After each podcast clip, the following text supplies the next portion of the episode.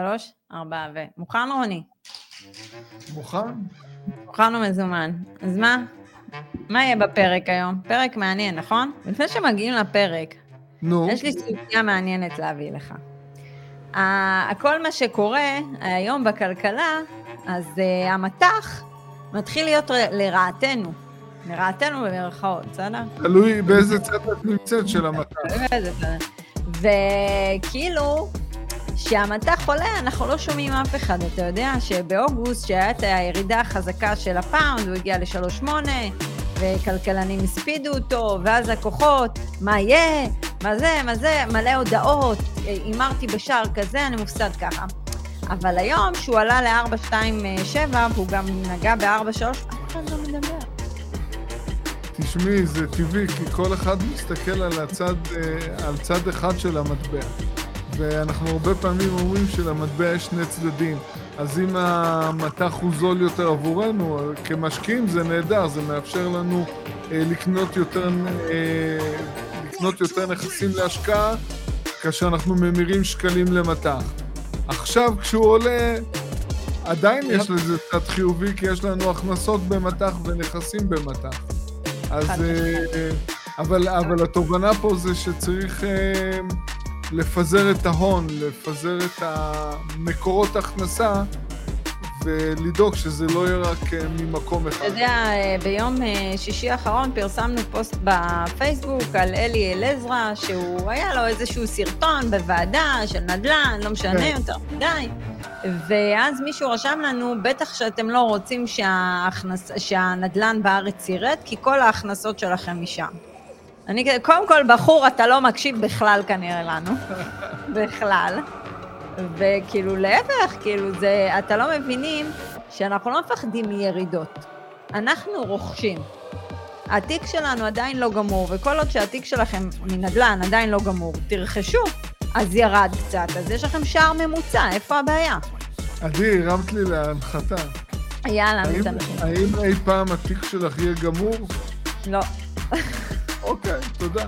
אבל הוא, אתה יודע, אבל אני מסתכלת על זה, כי אנחנו רכשנו פאונדים, אני ואתה רכשנו דירות בפאונדים שהוא הרבה יותר גבוה. ורכשנו דירות בארצות הברית שהדולר היה 389, אה, 39, אפילו 395. אז מה אבל קרה? בשליש מחיר. בסדר, אבל מה קרה? לא קרה שום דבר, יש הכנסות, זה עולה, יורד, עולה, יורד.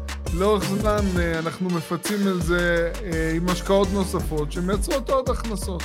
לא, אז יש לכם שער ממוצע בתיק נכסים שלכם, אבל זה כל הקטע בנדל"ן, פיזור. פיזור. פיזור, פיזור, פיזור אה, השקעות ופיזור מקורות הכנסה. זה כמו שלא כל היום אתם אוכלים רק לחם, נכון? לא אוכלים רק לחם כל היום, אוכלים עוד דברים. מפזרים, אבות המזון, שומן, בן חלבון. זוג, בת זוג אחת, אבל יתר הדברים לגוון. אוקיי, ועכשיו בואו נתחיל בפרק. שלוש, ארבע, פתיח.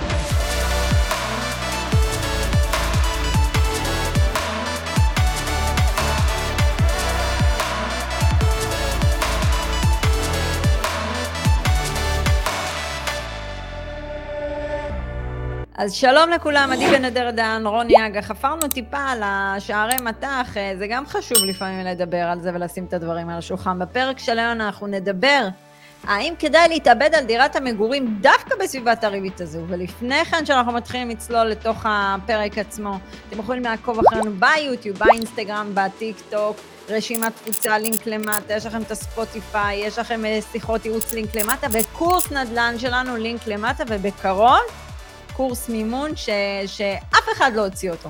אין סיכוי בעולם שיש, שיש אה, אה, קורס כזה.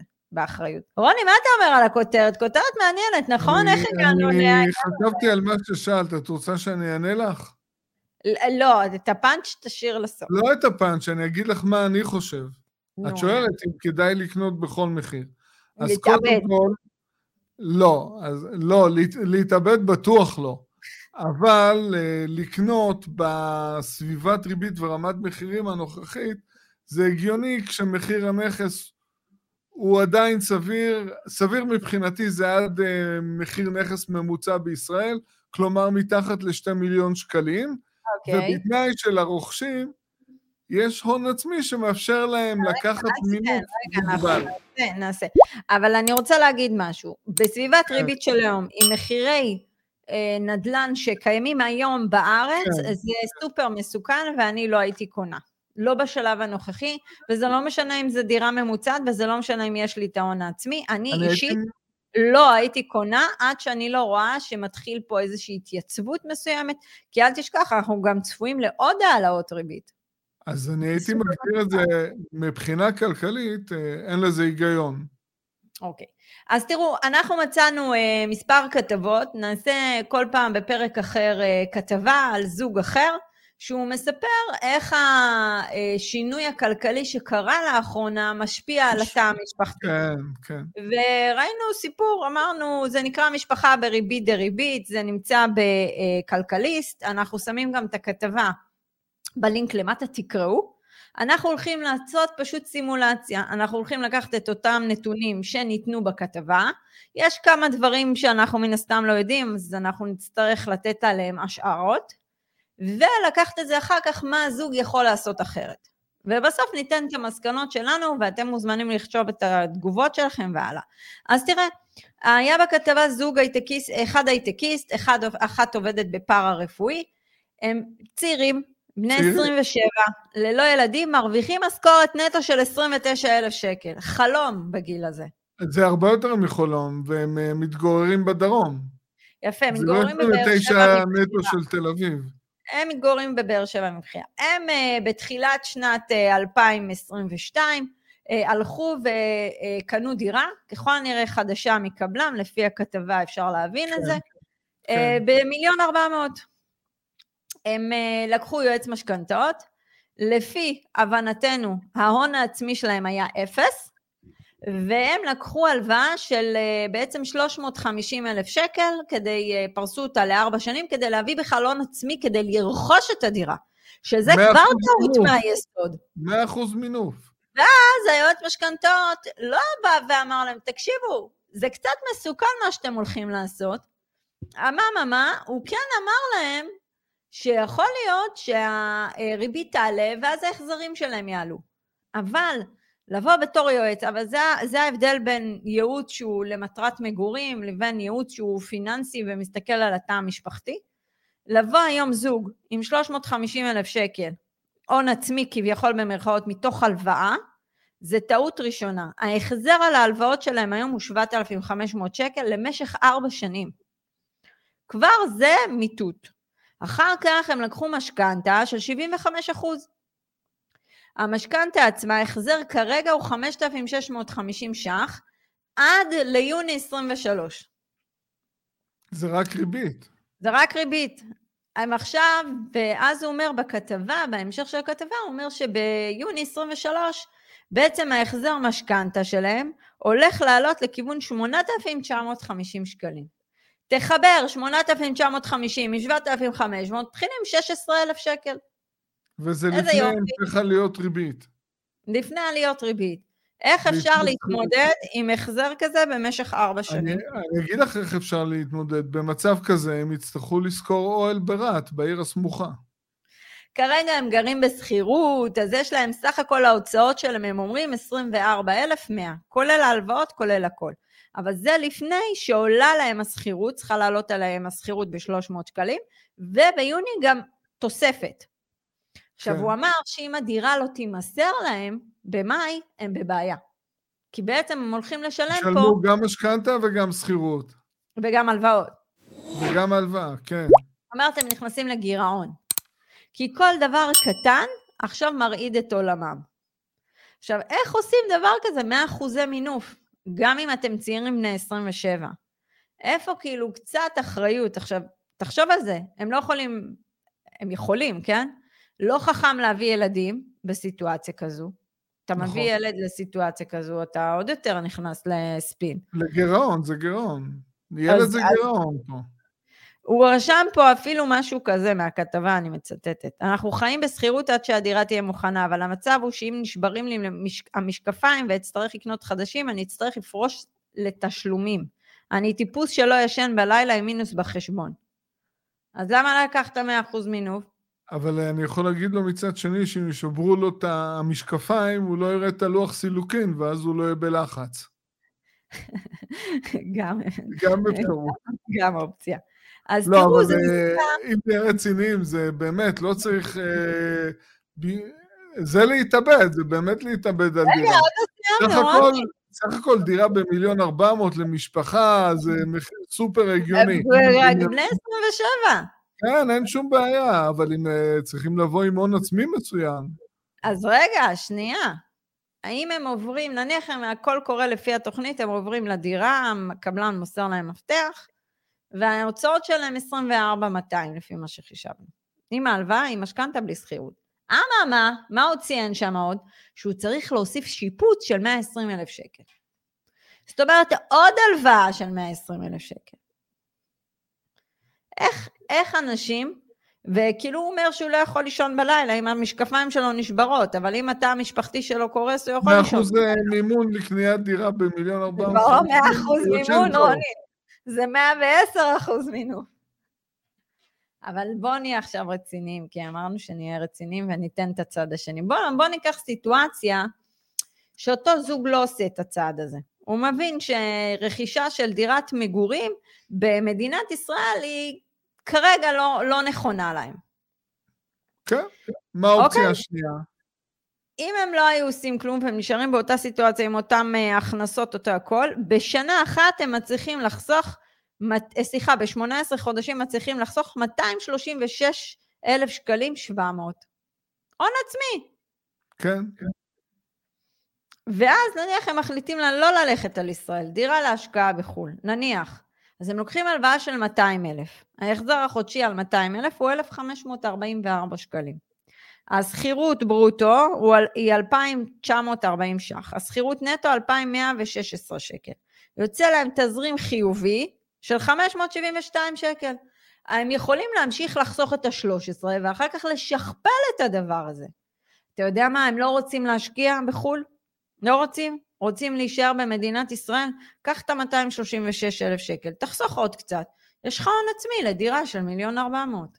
זה גם אפשרות, אבל אני חושב שאם הם היו מחכים. בישראל עד, עד שהם רוכשים שלוש דירות כאלה, ואז uh, מתחילים לשנות את הסטטוס, להרחיב את המשפחה, uh, היה להם בסיס טוב שהם יכולים להמשיך לחסוך ולהמשיך לקנות נכסים.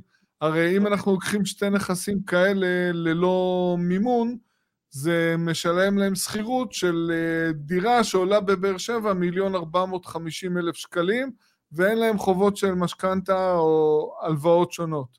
זה הרבה תראה, יותר... אה, הוא, הוא גם אמר שלעבוד בהייטק היום אין חסינות. אז מה קורה באמת. בשום תחום אין חסינות. אז מה קורה. באמת אם הם מפטרים אותו חלילה? יש גלי פיטורים, אנחנו לא אומרים שלא, זה אופציה. אותה פחות, כי היא עובדת אחות, כאילו מי... בוא. אין לו, אין לו פה קרן אה, חירום, אין לו מרווח ביטחון, זה, זה בעייתי. כי הוא ייחתך בשכר, גם אם הוא מקבל אבטלה, הוא יהיה בגירעון חודשי. חד משמעית. כי הם בקיצור- הלכו לקצה, הם לא השאירו פה בשר יותר מדי. זה כל הקטע, אבל רוני, שאין סבלנות. אין סבלנות היום. כולה בן בני 27, לאן אתה רץ? לאן? תראי, קודם כל זה יפה שהוא רץ, אבל בית כל, תעשה את זה עם היגיון כלכלי. אתה לא הולך קונה ב-100%. לא, 110. 110.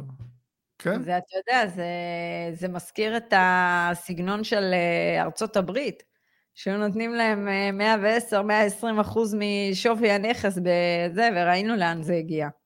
אני חושב, זוג כזה, אם הם מתאפקים 4-5 שנים עם הרחבת המשפחה, ומתמקדים בחיסכון והשקעות, ואז גם ייפתח, ייפתחו להם גם קרנות ההשתלמות, אה, יש אופרה להם אחרת. פוטנציאל אה, בשלב מאוחר יותר לצאת מהלופ ההישרדותי.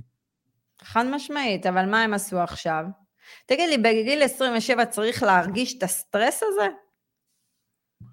אה, לא, זה, וואלה. זה, זה סוג של אה, אה, סטרס שבא ממקום תרבותי-חברתי, של הצורך הזה בדירת מגורים בכל מחיר, מאה אחוז. אתה יודע מה, זה גם, זה בא ומגיע מחוסר הבנה, שלא לימדו אותנו יותר מדי. יש פה חוסר הבנה, אתה יודע, וזה עצוב להגיד את זה, שבפריפריות זה נמצא יותר. סליחה שאני אומרת את זה. זה כאילו ממש ככה. אני, תשמעי, הוא נראה לי בחור אינטליגנט, יכול להיות שהוא פחות מבין בפיננסים, אבל uh, אני חושב שהרגש פה גבר על ההיגיון הכלכלי, והוא אמר, uh, נעשה את הכל uh, לקנות דירת מגורים. אתה יודע מה ההבדל גם? כשבא אלינו מישהו, הרי הרבה פעמים פונים אלינו אנשים וממלאים שאלון, וכשאני ואתה רואים שהשאלון הוא לא נכון, אנחנו אומרים בצורה מאוד יפה לאותו בן אדם, תקשיב, זה לא מתאים לך להשקיע עכשיו. נכון. חד משמעית. אבל הזוג הזה, הזוג הזה הוא סופר מתאים להשקעה. אבל אותו יועץ משכנתאות לא בא ואמר להם, רגע, זה מסוכן. למה? אתה יועץ. מה, אתה רואה נכון. רק את הכסף מול העיניים? למה? זה כאילו אתה... הוא החליט שאין הסתברות לעלייה של הריבית. אתה רוצה שהם ישלמו לך את הכסף. בסדר. אני אגיד לך מה לא יפה פה, כי כשהוא כבר ייעץ להם, אנחנו היינו בתקופה של המשבר הקורונה, וכולם כבר ראינו בחו"ל את העליות ריבית. עוד לא עלה בישראל, אבל הבנו שזה גם מתקרב לישראל. אז עכשיו אתה בא בסיטואציה כזו, מייעץ, ואומר, אה, זה סבירות נמוכה שהריבית תעלה. אבל ביני לבינך 100% מינוף, 110% מינוף, זה אף פעם לא טוב, אז זה לא משנה אם זה נכס להשקעה נכון. או נכס למגורים. זה נכון. אוטומטית מתכון לאסון. נכון. לאן כאילו אתם ממהרים גם? כאילו בשביל ה... לשלם אה, עלויות מימון, זה מטורף.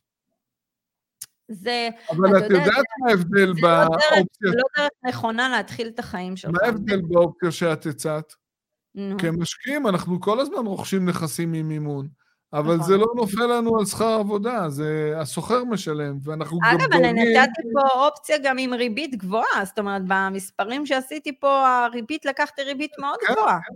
אבל זה לא נופל עליהם, הם עדיין שומרים על אותה יכולת חיסכון, וזה עוד משאיר להם תזרים חיובי, כל נכס שהם מוסיפים.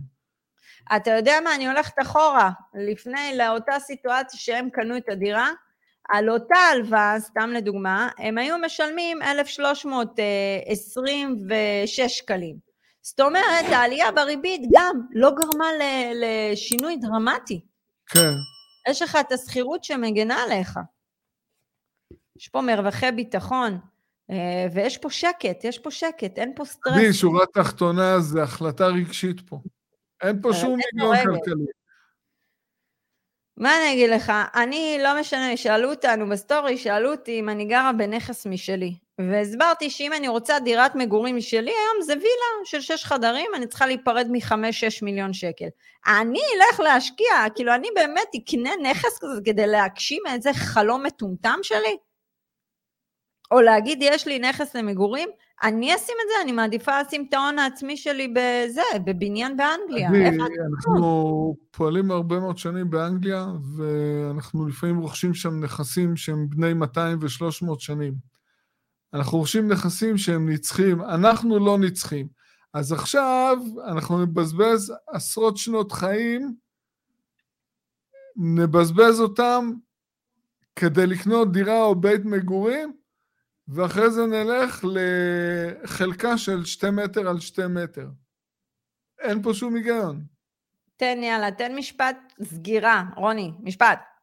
לא סיפור. אני חושב, אם, אם אני מתייחס לסיפור הזה, אה, זה בהחלט אה, דירת מגורים צריכה להירכש גם על ידי, או על פי היגיון כלכלי בלבד. Okay. אוקיי. גם דירת מגורים על פי היגיון כלכלי. אני אגיד דבר כזה, אה, שלפני שהולכים ובאמת מתאבדים, סליחה שאני אומרת מתאבדים, תחשבו טיפה באמת אם מתאים לכם לחיות בסטרס, ברמת סטרס כזו. כי כשמגיע ילד ואתם עם התחייבויות כאלה, זה מתחיל להיות מעיק. מעיק ברמה של...